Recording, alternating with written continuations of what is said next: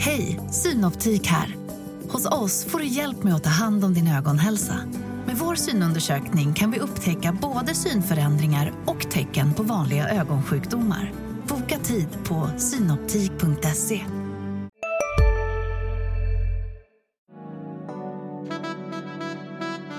Du lyssnar på en podd från Närkes Allehanda.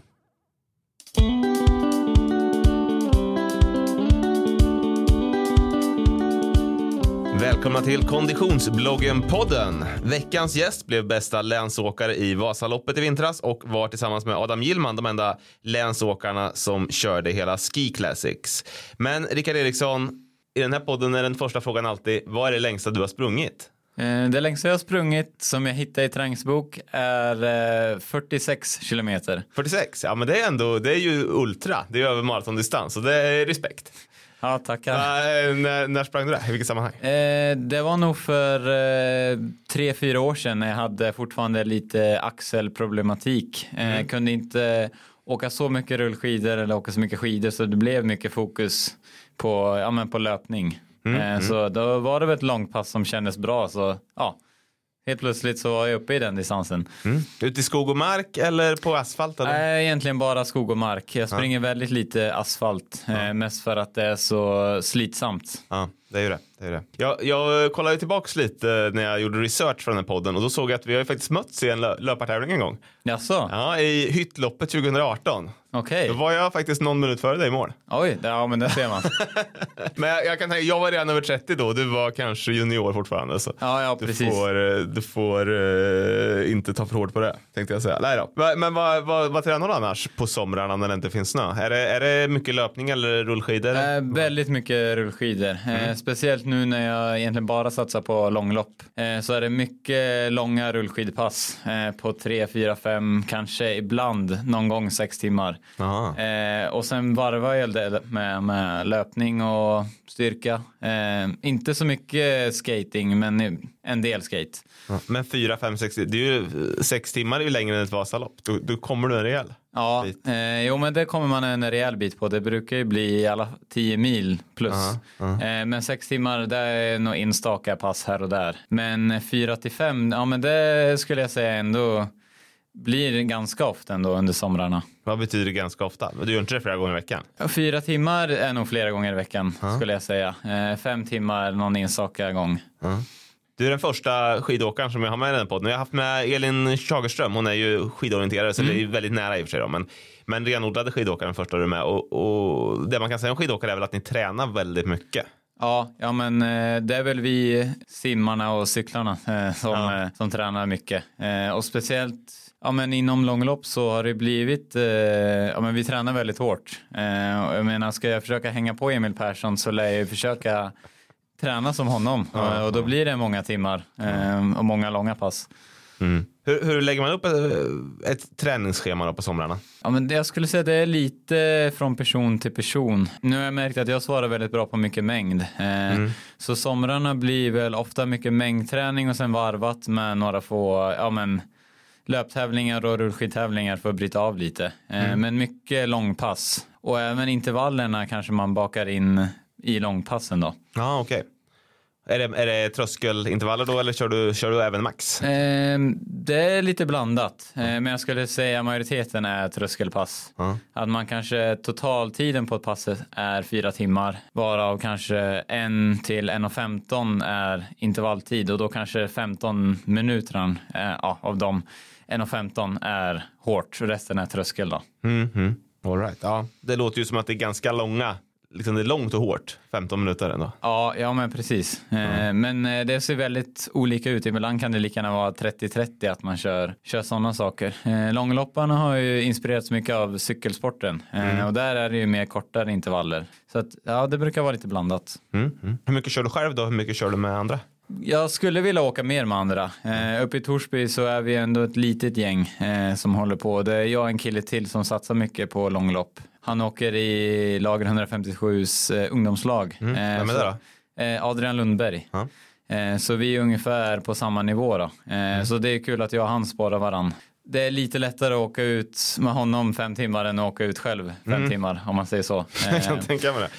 Sen har jag ju också många kompisar från skid, skidgymnasietiden mm. eh, som kanske inte bor i Torsby men i Falun eller Östersund. Mm. Eh, så vi brukar väl försöka få ihop något läger eller ses någonting i alla fall mm. och träna ihop. Mm. Vi ska säga det, du är från Örebro men du, du bor i Torsby nu. Vi ska komma in lite mer på din, på din bakgrund sen. Men mm. vi, vi fortsätter på, på, på träningsspåret här. Du har ju bytt från den traditionella skidåkningen till långloppen, till mm. Ski Classics.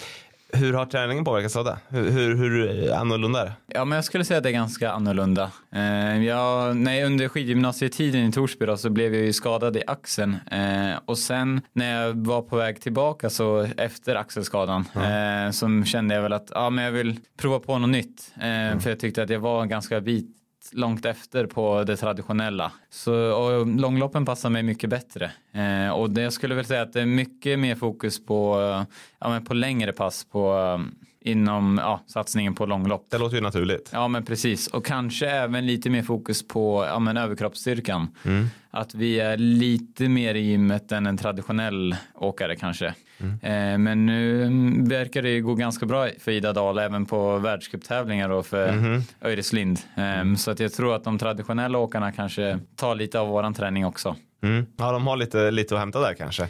Ja, men precis. Eh, vad, vad, kör du för, för något nu på gymmet då? Det är lite olika. Eh, jag får hjälp här i Örebro på Örebro Rehab Center eh, mm. av en eh, jätteduktig sjukgymnast eh, från, som jag mötte när jag var axelskadad. Men nu jobbar vi kanske lite mer ja, men, proaktivt och även mm. hur ska jag utvecklas. Eh, och då är det Ja men mycket basövningar som marklyft, benböj med raka armar, step upp på låda, mycket sånt. Eh, mm. Eh, där man får jobba med hela kroppen, försöka vara stabil, ha en stabil bål. Sen Tung, kanske... Tunga vikter ja, på repetitioner. Precis. Precis. Sen brukar vi väl avsluta också med, med lite mer isolerat på överkroppen. Ja men triceps, eh, bröst, bål och så vidare. Men eh, att det är de fria och större övningarna som är liksom grunden. Mm, mm. Hur, mycket, hur mycket hänger du på gymmet då? Hur många dagar i veckan blir det? Eh, ja men i normalfallet så kanske två gånger i veckan skulle jag väl säga. Mer under grundsäsong än under tävlingssäsong.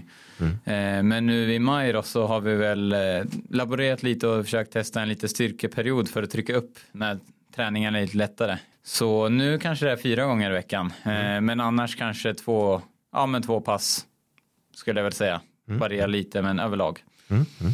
Hur, hur, ser sen övergången ut när man, när man kommer från, från eh, sommarsäsongen och ska in i vintern? Blir det mycket läger eller vad, hur lägger man upp det när man ska på snö sen? Ja, jag har ju lite förspänt i och med att jag bor i Torsby. Ja. Eh, vi har ju skidtunnel. Ja. Eh, så att jag kan ju vara på snö egentligen, ja den öppnar ju i maj. Men jag brukar väl, eh, det är väl under hösten som jag kliver in ordentligt och börjar vänja mig vid snö. Mm. Eh, men övergången är väl naturlig att när det inte går att åka rullskidor längre så börjar man väl åka mer på snö inne i Torsby. Mm. Eh, det blir lite jobbigare om man inte har en skidtunnel eller där, ja, eller där det inte mm. finns snö.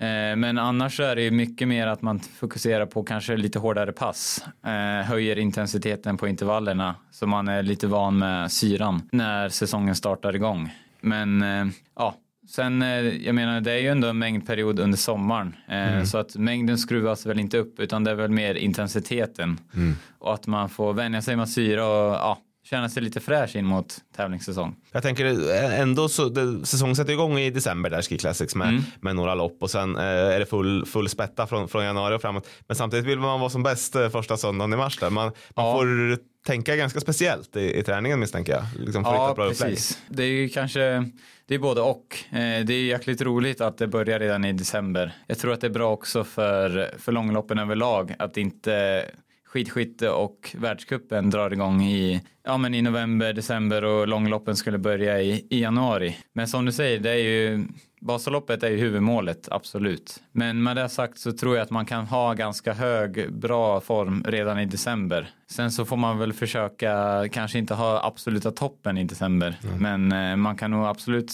jag menar Emil Persson vann ju allt från, mm. från december till mars så att det, det går ju. Mm. mm. Men man måste ändå ha någon plan för hur man ska hålla upp träningen. Man absolut. kan inte liksom sluta träna där och toppa sig för varje helg. Nej men precis, eh, det, det tror jag är svårt.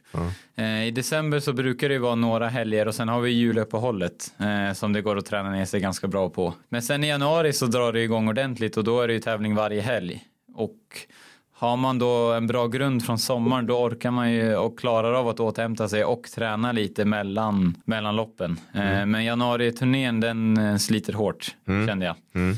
Jag kan tänka. Vi ska komma tillbaka till den när vi ändå är inne på träning så ska, vi, ska jag ställa en fråga som jag ställer till alla, alla här. Vilket är ditt favoritträningspass? Ja men då skulle jag säga, eh, ja men vara ute med ett eh, gött gäng och åka ett långpass på sommaren eh, på rullskidor. Eh, kanske även med lite intervallinslag som jag sa. Att ja, men man är jämnstarka och man åker ja, kanske en timme ganska lugnt eh, och snackar lite skit och sen mm. så är det några intervallinslag och sen så går det tillbaka till det lugna liksom. Mm. Det gillar du? Ja, men det tycker jag är härligt. Jag trodde du skulle säga något eh, sån här eh, solsken på någon glaciär någonstans. Ja, det också.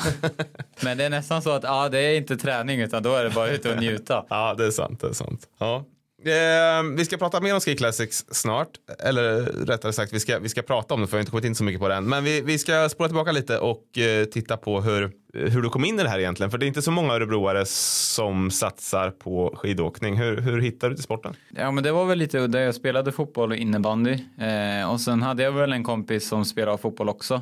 Som sa att ja, men jag ska upp till Garphyttan. Eh, mm testa på ja, men, längdskidor där uppe. Eh, och Garphyttan har ju en väldigt fin eh, barn och ungdomsverksamhet. Mm. Eh, så då blev jag med upp och sen så fastnade jag för det där. Hur gammal var du då? då? Jag var ganska, inte jätteung. Jag kanske var, gick jag i trean eller ja, ja tvåan, ja, trean där. Tio, på. tio år Ja kanske. men precis. Och sen så, ja, så spelade jag ju fotboll och åkte skidor eh, samtidigt. Men eh, det var egentligen inte förrän jag kom in på skidgymnasiet mm. eh, som att, ja men då blev det en helhjärtad satsning på, på skidor då. Vad spelade du för klubb då? Eh, jag spelade i Eker eh, mm.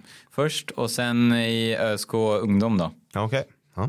Så det var ändå, du, du brann för fotbollen så? Eh, absolut. Ja. Eh, jag tycker fortfarande det är kul att gå och kolla på fotboll och ja, sådär. Ja, Men det blev skidor sen när du kom in på gymnasiet absolut. som du var inne på. Var, var det liksom självklart att det skulle bli Torsby?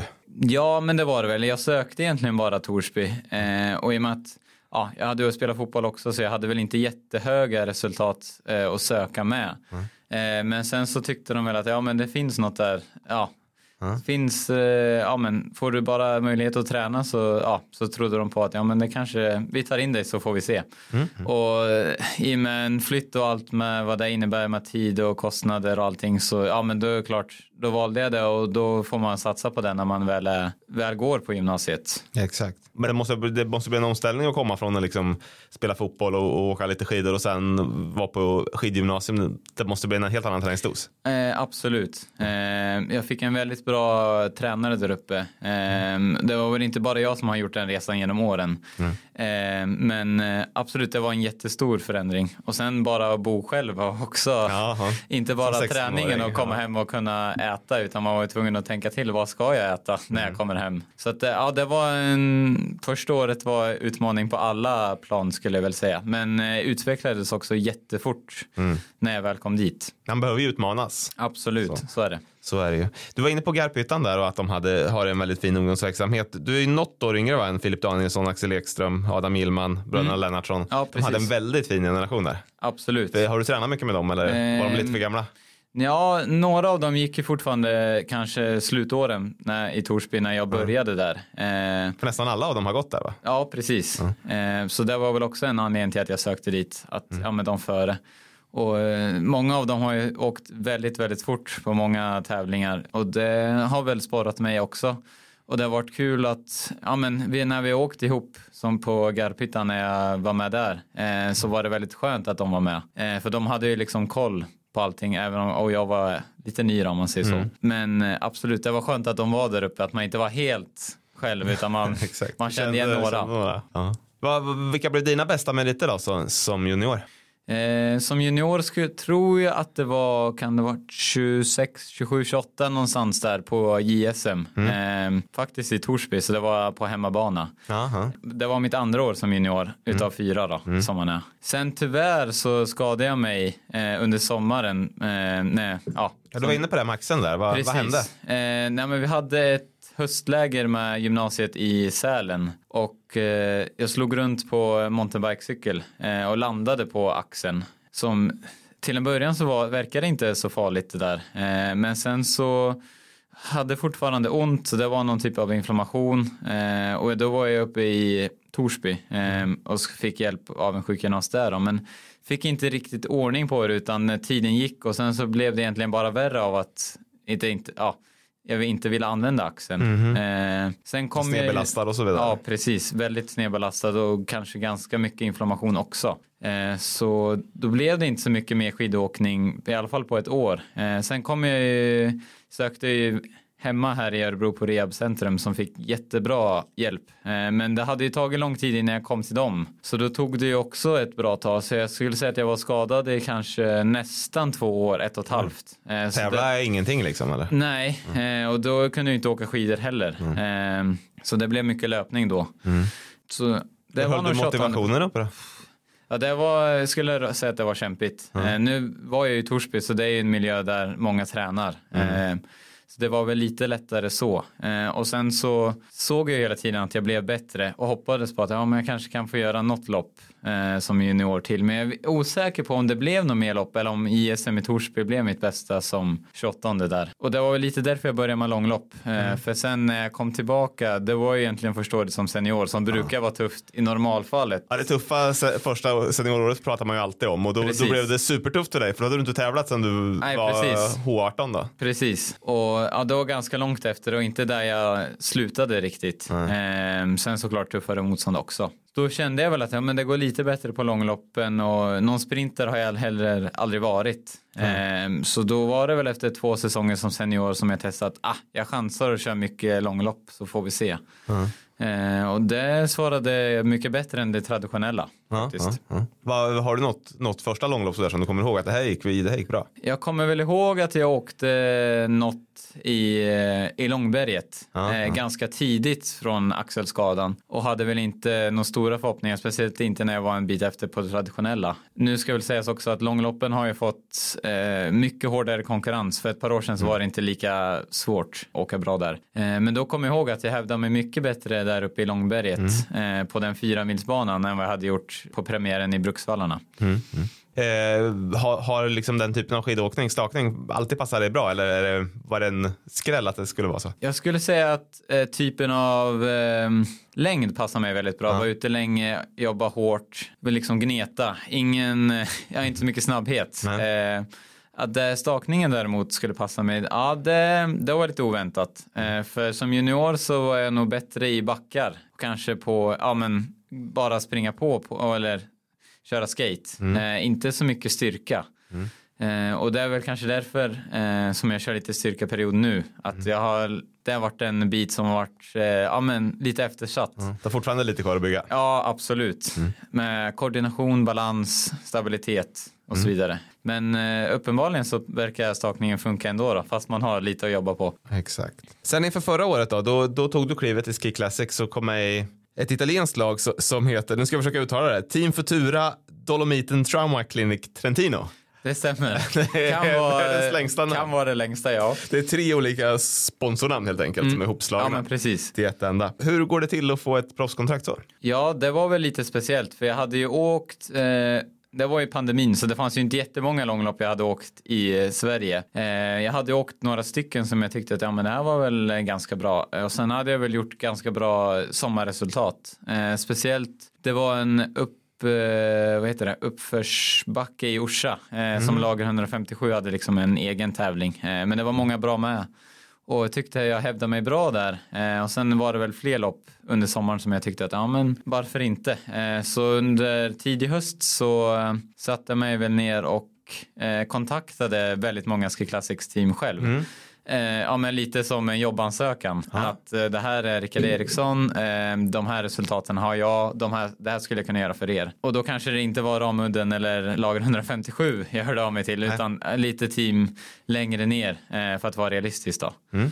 Eh, och då svarade Team Futura med att ja men absolut och vi har inte så hög budget så i och med att du är svensk så de nordiska tävlingarna skulle vara perfekt att, att du mm. får åka för oss. Mm. Eh, så, och sen var det väl lite på den vägen att ja men nu gick det helt okej okay där så du kan väl komma ner till Italien och åka våran hemma, hemmaplan Marcialonga. Mm. mm. Eh, och sen i år då så så behövde de en sponsor till och speciellt en dam till. Det är svårt att få plats med damer i långlopp för italienarna. Eh, det är inte så många damer där nere som vill åka långlopp. Nej, nej. Eh, och då visste jag att ja, nästan min granne i Torsby eh, som jag tränar med lite ibland, eh, hon hade gärna velat prova på långlopp. Ja. Och då? eh, Madde Melin. Ehm, och eh, ja, hennes eh, pappa har ett företag som ja, men också var villig att sponsra så det blev lite ja, men perfekt att teamet ville ha en dam och behövde en sponsor. Och eh, ja, men jag ville åka lite fler tävlingar och hade gärna haft en svensk med mig i laget.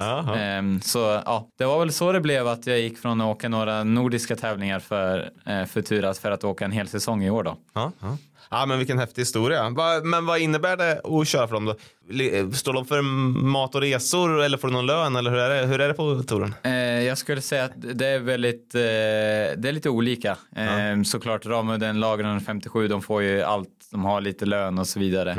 Eh, men för mig, Futura och Futura och många lag som ligger runt våran, det är kanske, vi är ju 35 team totalt i Ski Classics det här året. Futura blev väl runt, ja, drygt 20. Och det är väl, eh, man får lite resor, dela en del mat. Eh, de ordnade jättebra där nere. Eh, Men jag fick ju ta mig ner själv och sen fick vi bekosta maten mellan tävlingarna eh, när vi bodde, ja, vardagarna emellan racen helt enkelt. Så det är ingen Annars- riktig proffstillvaro liksom, Nej, utan det är precis. någonstans mitt emellan. Precis, de fixar väl allt runt omkring väldigt bra. Visst, jag vet ju att Team Akadeli testade 70-80 par eh, innan Vasaloppet. Eh, vi har ju våra egna skidor.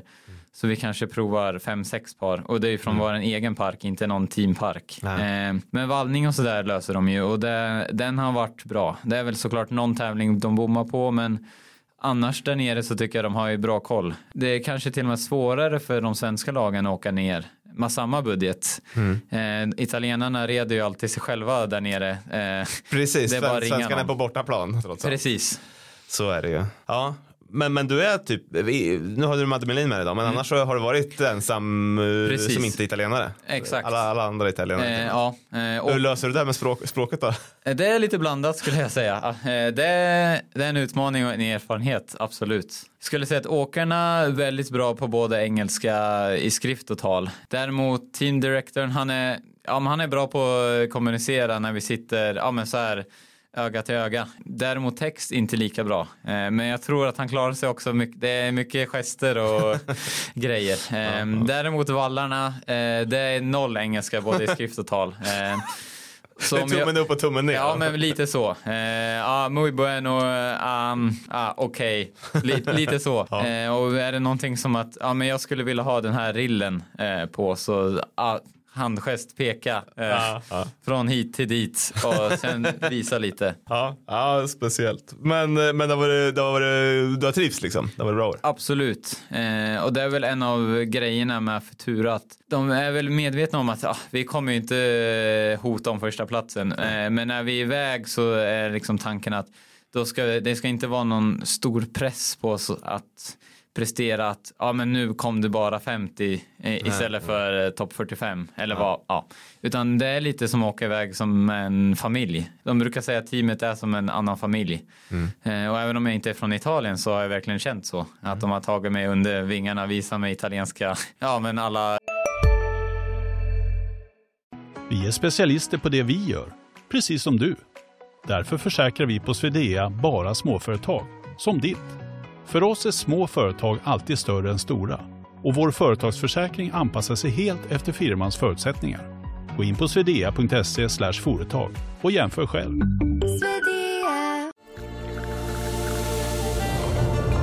Välkommen till Maccafé på utvalda McDonalds restauranger med Baristakaffe till rimligt pris. Vad sägs om en latte eller cappuccino för bara 35 kronor? Alltid gjorda av våra utbildade baristor.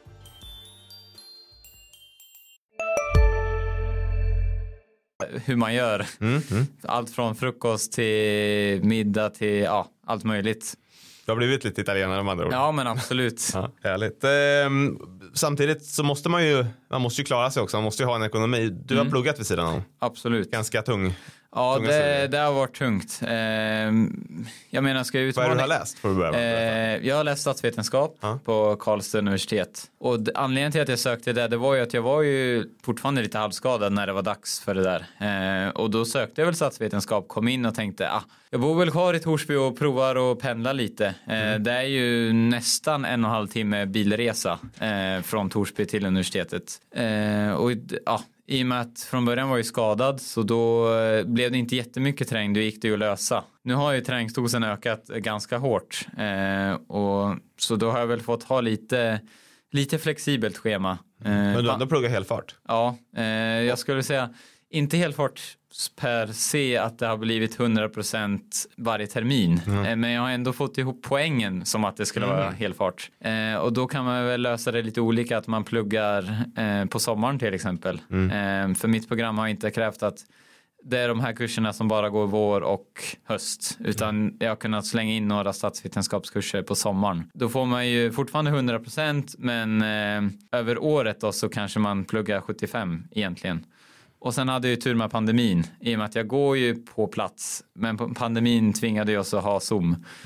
Och nu är jag, läser jag ju på masternivå. Vilket har gjort att Karlstad har inte velat haft så många masterstudenter för att de har velat ha kvalitet. Eh, jag vet Uppsala kanske har 100 masterstudenter och vi har varit fem.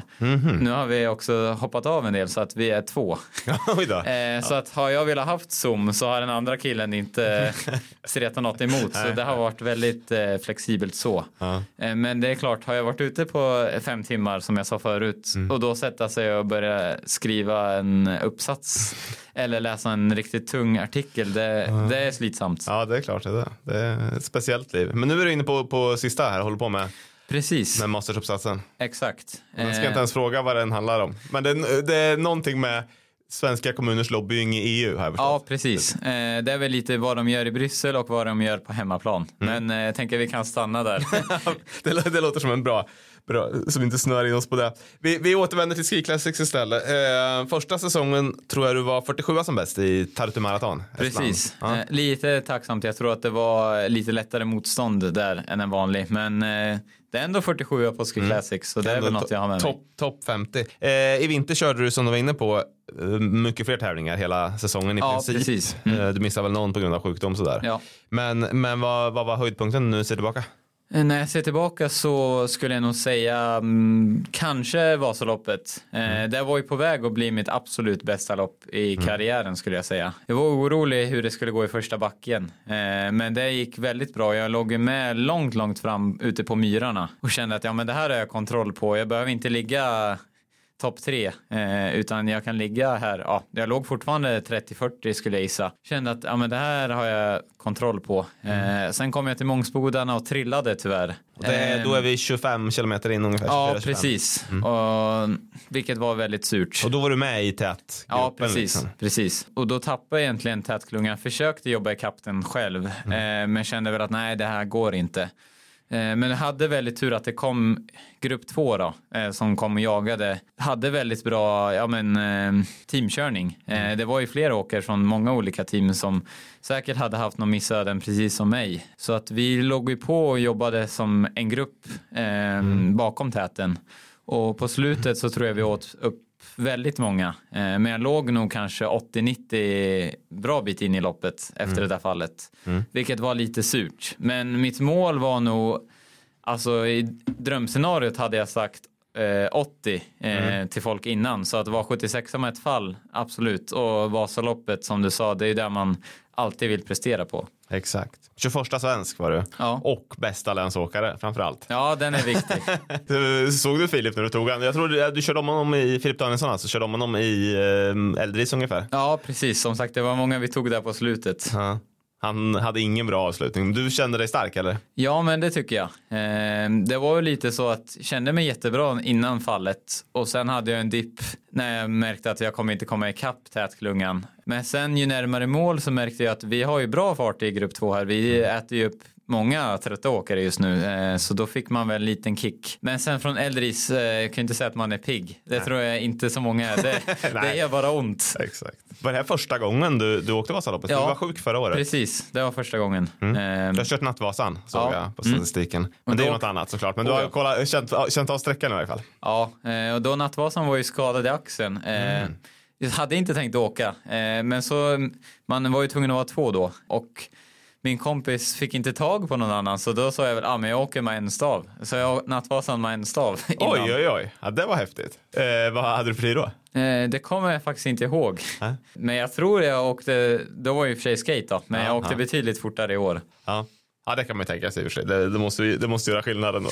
Men, oh, ja. men, men 15 eh, minuter hade du upp till, mm. till Emil till slut. Eh, hur mycket av det var fallet tror du? Vad hade du kunnat vara om du hade hängt med i den där tätgruppen? Bra, bra fråga. Jag ja. tror ju att hade jag varit med i täten så hade jag fått lite annorlunda resa. Ja. Eh, då hade det blivit att man låg där fram och ju närmare mål desto mer tappar man. Ja. Mm.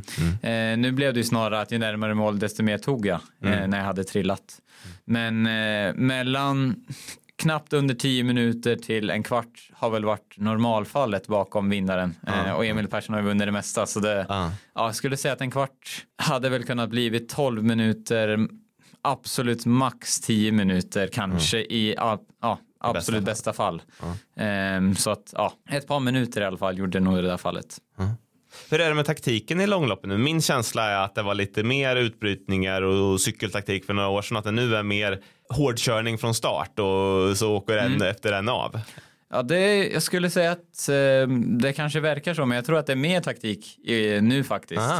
Eh, men det är nog bara att eh, skillnaden är att nu kör man hårt från start. Mm. Det är inget så att eh, man väntar till Eldris utan mm. det brukar vara pang på rödbetan nästan alla lopp. Och det har jag väl, det lär man ju sig. Men det är ju så att när du står på startlinjen, även om vi ska åka tre timmar, eh, så öppnar de i sprintfart. Ja. Eh, det är liksom Ja, det är 100% av din kapacitet eh, första milen. Sen mm. kanske det lugnar sig lite. Men eh, som lag eh, talade på efter Vasaloppet att det var de eh, och det var Ragde som var där framme och det var ju för att de hade kunnat ha ja, men gubbar med taktik då. Att mm. ja, men de körde för Nygård respektive Emil Persson. Att man har hjälpryttare som är framme och bombar Precis. på. Precis. Liksom. Ehm, resten av lagaråkarna hade ju, de var ju körda innan målet, inte för att de inte var tillräckligt tränade utan för de hade kört upp Emil Persson hela tiden. Ah, ah, ah. Så på det sättet är det, är ja, det väldigt precis. taktik då?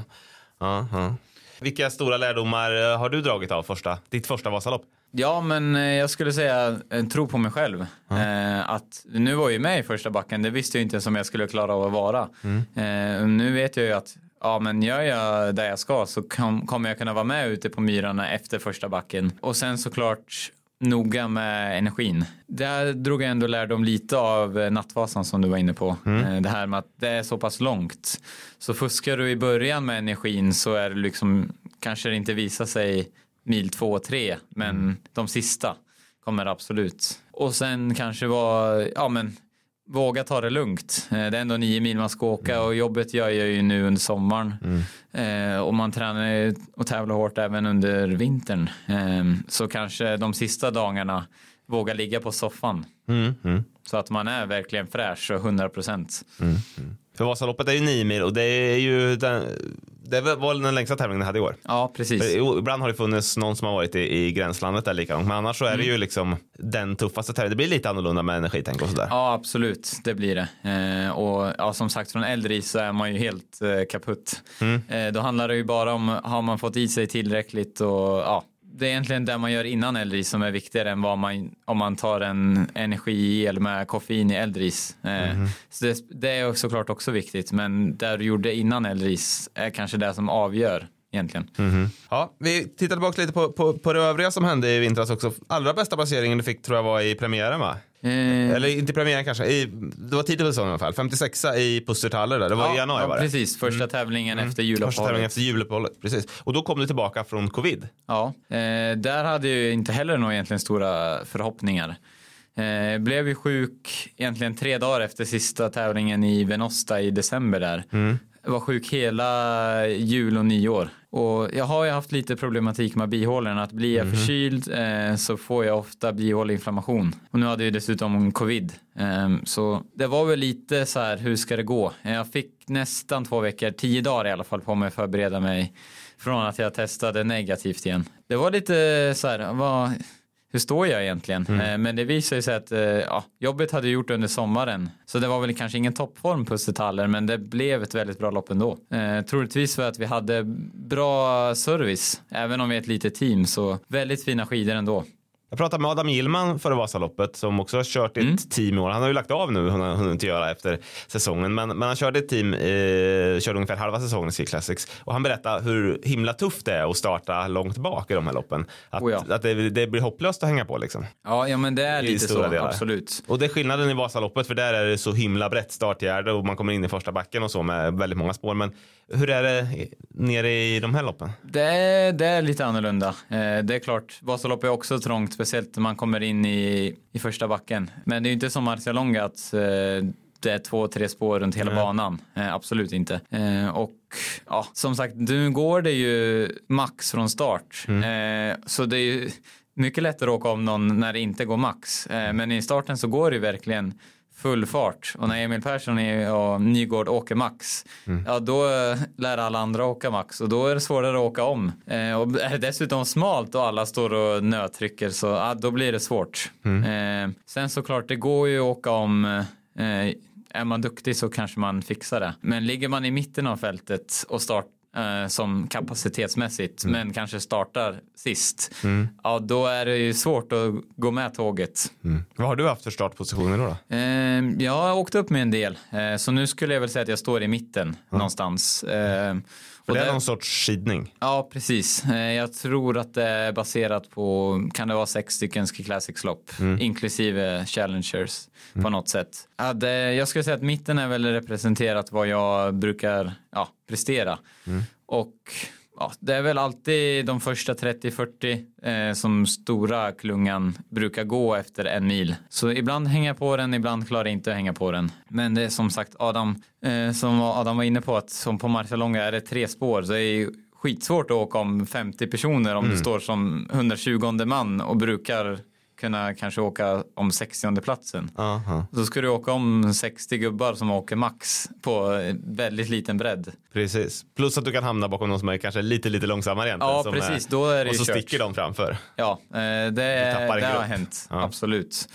Eh, Eller att det är ju så trångt så jag menar, trillar någon, ja men då, då tar det ju stopp. Ja. Vilket var mitt första lopp i Orsa Mm. någonsin i Ski Classics. Eh, Då gick vi från åtta spår till två. Eh, och de första 30-40 kom väl iväg bra. Eh, sen var det några som trillade och då Mm. tog det stopp. Ja, ja. Och då ser man aldrig röken av de här första. Nej, då är det kört. Ja, ja det, det är speciellt ändå. Ehm, Efter, efter det här eh, bästa loppet som jag sa, då, dagen, dagen efter så var det en backtävling. Mm, absolut. Så 580 höjdmeter på 6,6 kilometer. Det är riktigt brutalt. Det är, Ja, det är typ 1,5 gånger den här Tour de Ski-backen.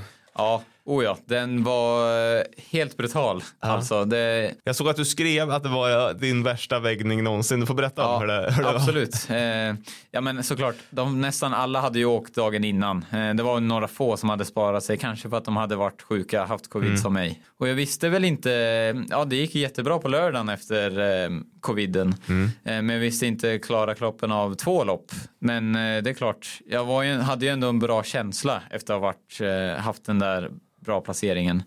Och, men alla var ju slitna. Man pratar ju med lite folk innan start som också ska åka att ja, är gud vad trött. Eh, ja. och det var ju lite små halv eh, hög höjd eh, på startrakan. Eh, Sen skulle vi definitivt upp på hög höjd på 2000 meter nästan. Eh, men vägen dit gick jättebra. Då låg jag ju faktiskt med tätklungan in i backen. Och sen har jag tittat lite på pulsklockan att när vi började närma oss 15-1600 då, då började farten sjunka ganska eh, rejält. Och att till slut kände jag bara att det, här, nu handlar det bara om att ta sig i mål helt enkelt. Han stod still typ. Ja, jag försökte röra mig så fort som möjligt men eh, kroppen ville inte helt Nej, enkelt. Eh, Så det var väl en kombination av att jag inte var van hög höjd och sen att ja, coviden hade väl satt sina spår i återhämtningen. Mm, mm. Hur, hur återhämtade du efter det sen då? Eh, det var tufft. Ja. Eh, jag kommer ihåg det, eh, två dagar så var det knappt någon träning alls. Eh, vi kom ju ner på ganska låg höjd direkt efter tävlingen. Mm. Tävlingen var ju på söndagen. Säg att på torsdagen började jag väl känna mig återhämtad men inte fräsch om man säger så. Eh, och då var ju flera som pratade om att även helgen efter den, den dubbelhelgen så Mm. var man påverkad. Var det då du var Marcialonga eller kom Eh, det var då det var La Diogonela Ah, eh, som jag tyvärr blev magsjuk precis dagen innan på. Eh, Mm. Men sen, och det hade du med dig lite grann in mot Marcialonga Ja, dessutom. precis. Så, så det var inte heller någon topp. Det var inget topplopp, absolut inte, men det var ett bra lopp. Jag var ändå 20 placeringar bättre än förra året, Ja. så det får jag absolut ha med mig. Och, 85 ska vi Precis. säga att du slutade där. Ja. Och ja, det är ju ungefär, jag skulle säga Marcialonga, Vasaloppet, ungefär lika hård konkurrens. Kanske inte lika många norskar med, men det är många som flyger ner från Norge ändå. eh, Och Norge är ju, det- ja, som sagt, jag var 21 på Vasaloppet med 76 totalt. Det var ganska många norrmän som kom däremellan. ja, det kan man säga. Eh, och på Marcialonga också. Eh, men 20 placeringar bättre än förra året. Sen hade jag väl kanske hoppats på 70. Men, eh, men magsjuka några dagar innan så var jag absolut nöjd. Sen var det ju helgen i Sverige där och så Vasaloppet såklart och sen avslutade ni säsongen i Norge Mm, precis. med ett riktigt häftigt lopp där. Oh ja. Racelöpet passade inte riktigt mig dagen innan. Eh, det var ju mycket uppför. Jag valde att staka för jag inte kände mig helt, ja men satt inte riktigt i tekniken på det klassiska längre nu när jag bara stakar. Eh, så jag slog väl av lite när jag kände att ah, det här är inte min dag, jag ska åka sju mil imorgon. Hade ju varit snöstorm där sen torsdagen vi kom upp. Sen på söndagen, som du pratade om sista loppet, Summit och Senja, så kom ju solen fram eh, och det blev ju helt magiskt det loppet. Fruktansvärt tufft, fruktansvärt eh, vackert. Ja, det går på riktigt kalfjäll med utsikt över fjordar och hav och grejer. Ja, precis. Eh, så att det var ju strålande sol, knappt någon moln eh, när vi väl kom upp på fjället. Eh, hur fint som helst. Sen var man ju trött och man var plågad. Så att ja, man försökte väl njuta så gott det gick. Så lite, lite njutning var det väl, men mest ont. Och sen hade man ju den där monsteravslutningen Ja, och vänta exakt. på också. Och även där en riktig back i slutet. Oh ja, eh, jag hade ju känt eh, den vägningen jag gjorde efter Pussetaller där i backloppet att eh, det kan ju inte finnas något tuffare lopp. Eh, Men jo, då hittade de någon backe där i Norge. Plus, att du hade lite mer i kroppen då också. Precis, precis. Lite längre före backen. Eh, så att ja, den var fruktansvärt tuff. Eh, det var ju blandat bara försöka hänga på stavarna och gå på skidorna eh, mycket. Så det blev ju väldigt utdraget och så i och med i och med att det var sista loppet så såg man ingen framför sig så blev det väl mer att man eh, åkte och njöt lite, eh, åka så fort man kunde. Men eh, jag tror att när man väl kom till backen så kände de flesta att sista tävlingen på säsongen, eh, ja, det är bara att ta sig upp och ner nu. Precis, de som inte krigar om segern, de, de kanske inte... Ja men precis. Eh, men otroligt eh, vackert absolut. Eh, men nedförkörningen var ju inte heller att leka med. Man hade ju inte så mycket kvar i låren att sätta emot. Eh, när man kom i 70-80 kilometer och skulle ta serpentinerna. Åh fy fan. Ja, det, det är otäckt tycker jag, åka nerför på längdskidor. Men det är Ja. klart att du som har stått på dem hela ditt liv, du har lite bättre teknik. Men det är inte, det är inte man är ju inte kaxig. Nej, det var inte jag heller. Eh, Speciellt inte när man var så trött i låren. Eh, men eh, ja, det är klart, jag är fortfarande har respekt för rullskidor. På snö känns det ändå lite mer okej att trilla. Eh, men på rullskidor har jag respekt. Speciellt efter jag hade min cykelolycka också. Mhm, såklart. Vad, vad ger du för betyg åt Ski Classic-säsongen överlag då? Är du nöjd? Absolut nöjd. Jag saknar ju det här topploppet som kanske Vasaloppet var på väg att bli.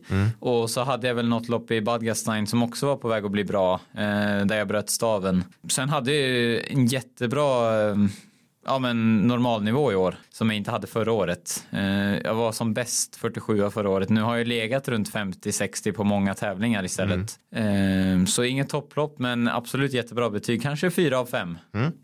Hur tänker du framåt då? Vad, vad är nästa steg? Nästa steg skulle jag väl eh, vilja ta det är väl att jag vill vara topp 50 på Vasaloppet i alla fall. Kanske tufft men eh, i och med att jag var 76 och trilla. Eh, och sen så vill jag ju såklart vidare till ett bättre team. Eh, men då krävs ju bättre eh, resultat för att kunna, kunna söka dit. Eh, jag har väl varit i kontakt med några men det är klart, jag sitter också säkert i Futura. Men jag vill ju... Du har varit bland de bästa i laget där.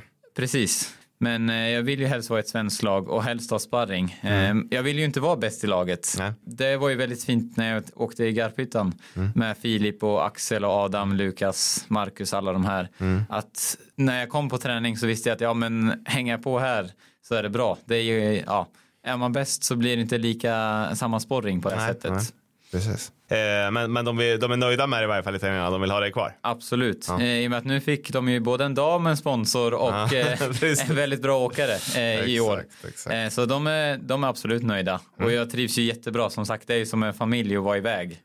Och de gör ju allt de kan utifrån sina förutsättningar. Vi har ju ändå haft ja, extremt låg budget men ändå konkurrenskraftiga grejer. Så att, eh, det får jag vara nöjd med. Du sa i början här, ska jag, ska jag bli bra som Emil Persson så lär jag träna som Emil Persson. Vad, eh, vad, eh, liksom, det är klart man inte, man inte når dit på, på en säsong, men vad, vilka är de viktiga stegen att ta fysiskt? Eh, fysiskt så tror jag det handlar om att bygga lite mer VO2. Eh, att kunna ja, men trycka hårdare ja, men överlag, man hjärta lungor. Men sen såklart bli snabbare eh, tror jag är en viktig del. Eh, speciellt i början av loppen som sagt, det går i maxfart och då går ju också tåget för tätklungan. Eh, sen brukar det ju lugna ner sig, fortfarande hård fart, men ändå lugnare fart. Så är man med då så kan man ju komma väldigt långt. Så det kritiska är ju i starten eh, och då går jag ju såklart, då är jag ju dessutom fräsch. Så då handlar det om att kunna åka fortare tills det lugnar ner sig. Är det något du lägger in i träningen då? Absolut. Eh, Det är ju dels en styrkebit att musklerna ska kunna trycka till hårdare. Eh, Men sen är det ju såklart ja, men impulser och köra mycket ja, men stakning, speciellt i backar. Och som du var inne på, det, det finns eh, trevar ut till andra team så där. Vi får se vart du dyker upp till vintern då Ja men enkelt. precis. Eh, Jag sitter ju säkert i Futura och trivs bra där.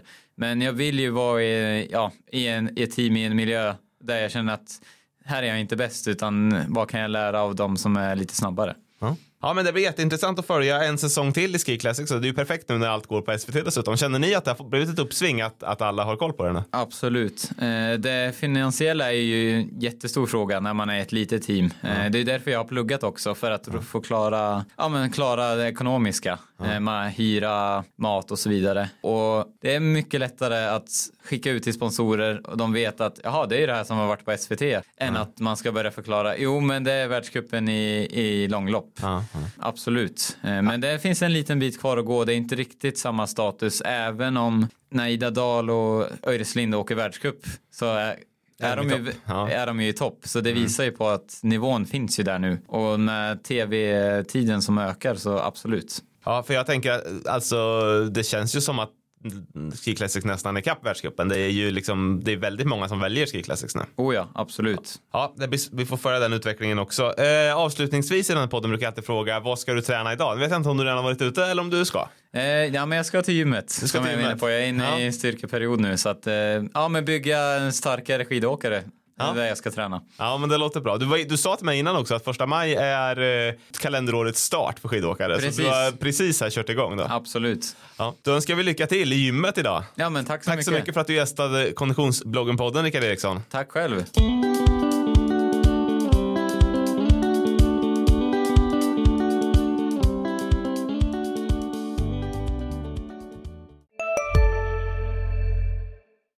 Hej Sverige!